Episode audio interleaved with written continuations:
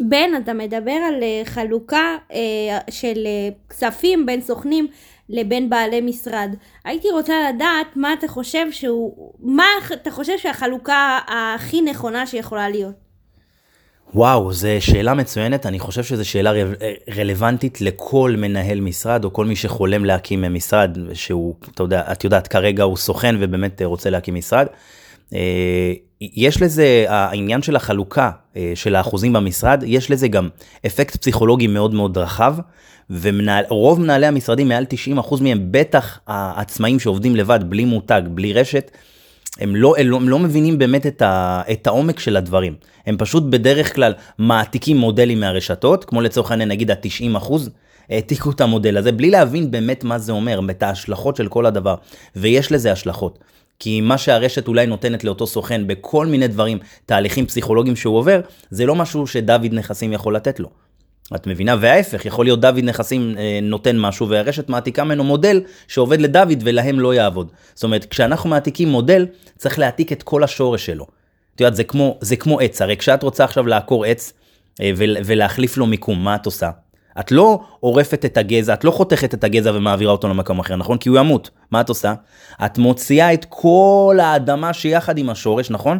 את כל הדבר הזה ומעתיקה אותו למקום שהוא אה, אה, יהיה לו נוח לצמוח בו, נכון? תמיד עם כל השורשים. אז גם כשאנחנו מעתיקים מודל, חשוב מאוד להעתיק אותו עם כל השורשים.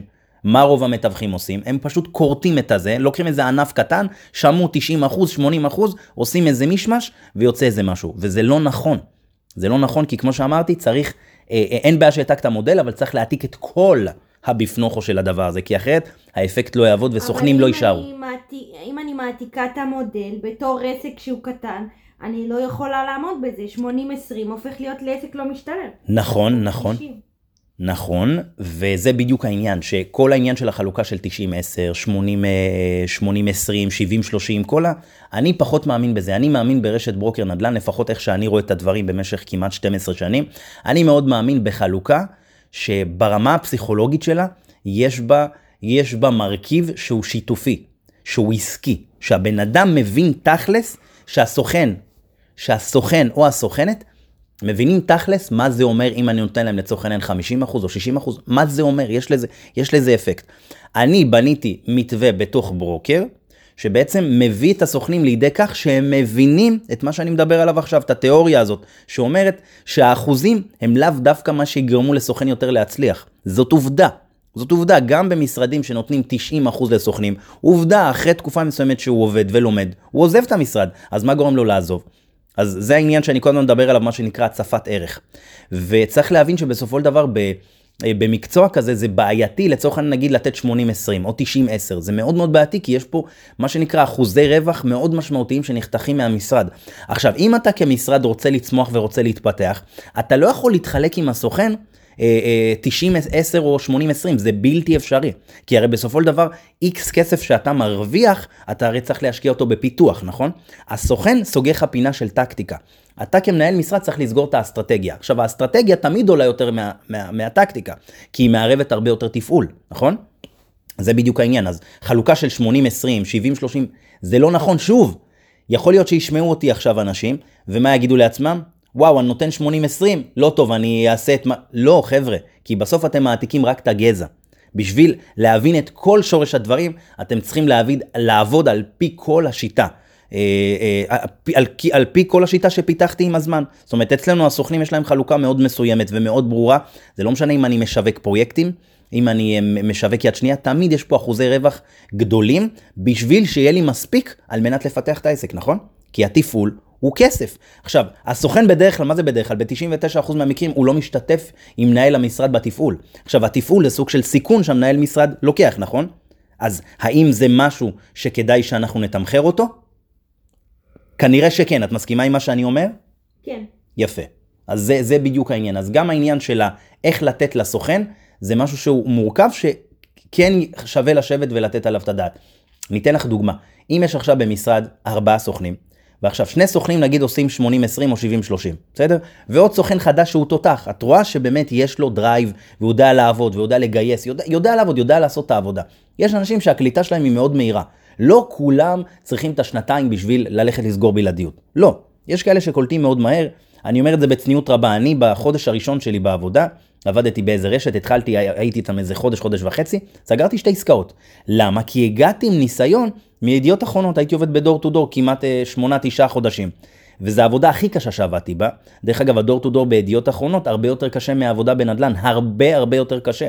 כי גם את מרוויחה הרבה פחות, וגם העבודה היא סיזיפית, כי היא 8-9 שעות בשטח.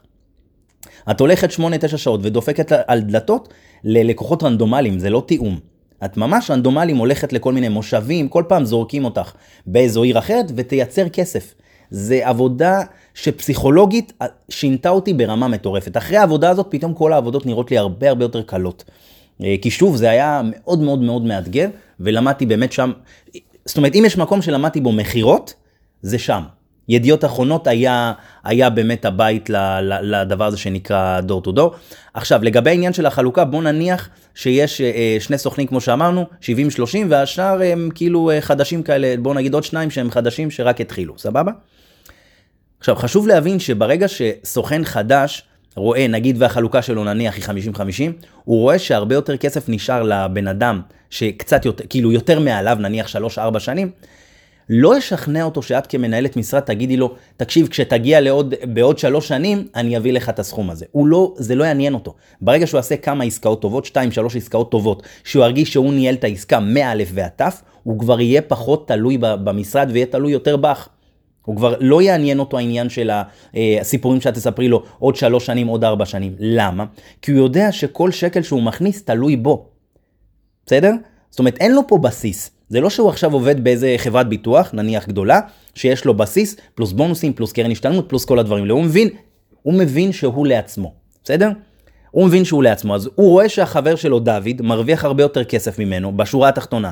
כל אחד הכניס נגיד אה, עשרת אלפים שקל, דוד נשאר עם שבעת אלפים והוא נשאר עם אה, ארבעת אלפים או חמשת אלפים, אז הוא אומר לעצמו למה הפער הזה אלפיים? לא רוצה. כאילו למה? זה כמו בכל, כמו בכל עבודה, ככל שאתה יותר ותיק אתה בכל, בהרבה מהמקרים ואם לך יותר כסף כי אתה ותיק. יפה, זה חשיבה שגם לא נכונה לתחום התיווך. לפי דעתי איך שאני רואה את הדברים, יכול להיות שאני טועה, יכול, אני, אני מאמין ככה כי ככה אני עובד ולי זה עובד. דרך אגב, לא משנה כמה זמן הבן אדם אצלנו עובד, יש לנו סוכנים שהם הרבה מאוד, זאת אומרת מעל 8-9 שנים, ומקבלים את אותו דבר. אבל כל אחד מקבל יחס אחר בתוך המערכת מבחינת החלוקה של כל מיני דברים של עבודה. לצורך העניין, אם אני עכשיו מקבל פרויקט חדש, אז אני יודע לפרגן לאנשים שהם okay, אוקיי, הרבה זמן. יפה מאוד, אבל לא ברמה של, של אבל לא ברמה של, של, של השכר שמתחלק בהם, כי, ביניהם.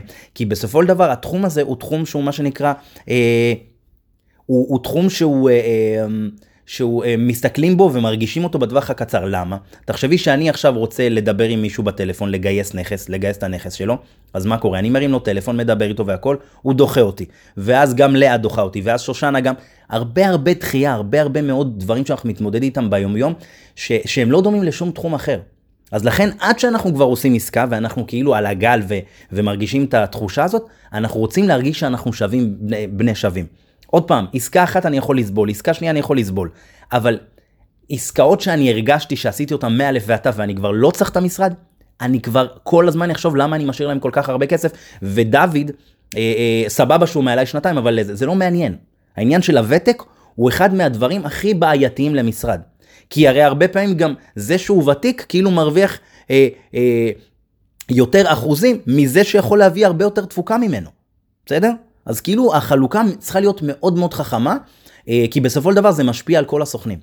זה לא בריא למשרד שאחד מקבל, אה, זה לפי דעתי איך שאני רואה את הדברים. אני חושב שאנחנו כמנהלי משרד, כבעלים של משרד, צריכים לעשות הכל על מנת לתת ערך כל כך גבוה לכל הסוכנים ושכולם ייעצרו. בסופו של דבר, מה, מה, מה זה הדבר הזה של להיות מנהל משרד וסוכן? זה בעצם יחסים של בעל עסק שנותן שירותים לסוכנים על מנת שבעצם ייצרו לו כסף, נכון? אז למה לא לייצר ערך של ממש מה שנקרא מסיבי, מאוד מאוד רחב וגדול, ושיהיה לכולם טוב. עכשיו, הקטע הוא שההצלחה שלהם תבוא בהתאם לעסקאות שהם סגרו. בסדר? עכשיו, אם יהיה סוכן שהוא כוכב והכל, ברור שאני מסכים לתת לו כל מיני, אה, אה, כל מיני צ'ופרים שהם מתוך העסק, וזה חלק מהערך מוסף שאנחנו נותנים. כמו שאמרתי, פה פרויקט, פה, כל מיני דברים שנכנסים לתוך העסק. וזאת המטרה שלנו, כל הזמן אנחנו צריכים לחשוב ולשאוף איך אנחנו מגדילים את התשתית על מנת שלא יבוא סוכן ושיגיד לי, שומע, אני רוצה 95%. יקירי, יש לי פה עלויות תפעול, יש לי פה עניינים, יש לי פה, יש פה מותג שעובד עבורך. אבל לפעמים... ואת זה הסוכן צריך להבין, ואני מבטיח לך, שכאשר סוכן מבין שיש לו כל כך הרבה ערך לקבל, הוא לא ידבר על העניין של השכר, הדברים ש, שיפריעו לו, הוא ידבר על דברים של השכר, אבל אחרי הרבה מאוד זמן, כי הוא מבין כמה המערכת נותנת לו ערך. את מבינה? ערך זה לא לתת לו תוכנת תיווך ולהגיד לו, קח תעבוד תגייס. זה לא, זה לא ערך. הרי כשסוכנים מגיעים ומתלוננים, זה בדיוק העניין הזה. נותנים להם תוכנת תיווך, קח תגייס. לא. אנחנו כ- כאנשי עסקים, כאנשים שרוצים שיהיו להם סוכנים, צריכים לתת להם כל כך הרבה ערך, שהעבודה, שהעבודה שלהם יחסית, יחסית לשוק תהיה יותר קלילה. שהעבודה שלהם יחסית לשוק תזרום יותר טוב. העבודה שלהם יחסית לשוק, למה שהם רואים בח, בחברים, התחושה שלהם הפנימית תהיה יותר טובה. בדברים האלה, אם אנחנו בערכים האלה נהיה, נהיה בדירוג גבוה אצל הסוכן, אין מצב שהוא יעזוב אותנו, ואין מצב גם שהוא ידבר איתנו כל חודש ויתבאס על זה שהוא, שחבר שלו מרוויח יותר. אבל אני אומר, באופן כללי, מסכם את זה, צריך ממש לשבת על זה ולחשוב היטב את העניין, לחשב היטב את העניין של החלוקות, אם אנחנו רוצים משרד יציב ושוויוני עד כמה שניתן, בשביל באמת איזה, והמטרה שלנו כבעלי משרדים, זה פשוט להעצים את הערך, להעלות את הערך, אה, על מנת לייצר כמה שיותר, אה, כמה שיותר תפוקה לכולם. ועל התפוקה הזאת, הסוכנים בעצם משלמים. הסברתי את עצמי כמו, כמו שצריך? הבנת הכל? כן, הבנתי. מעולה. שיהיה בהצלחה. תודה.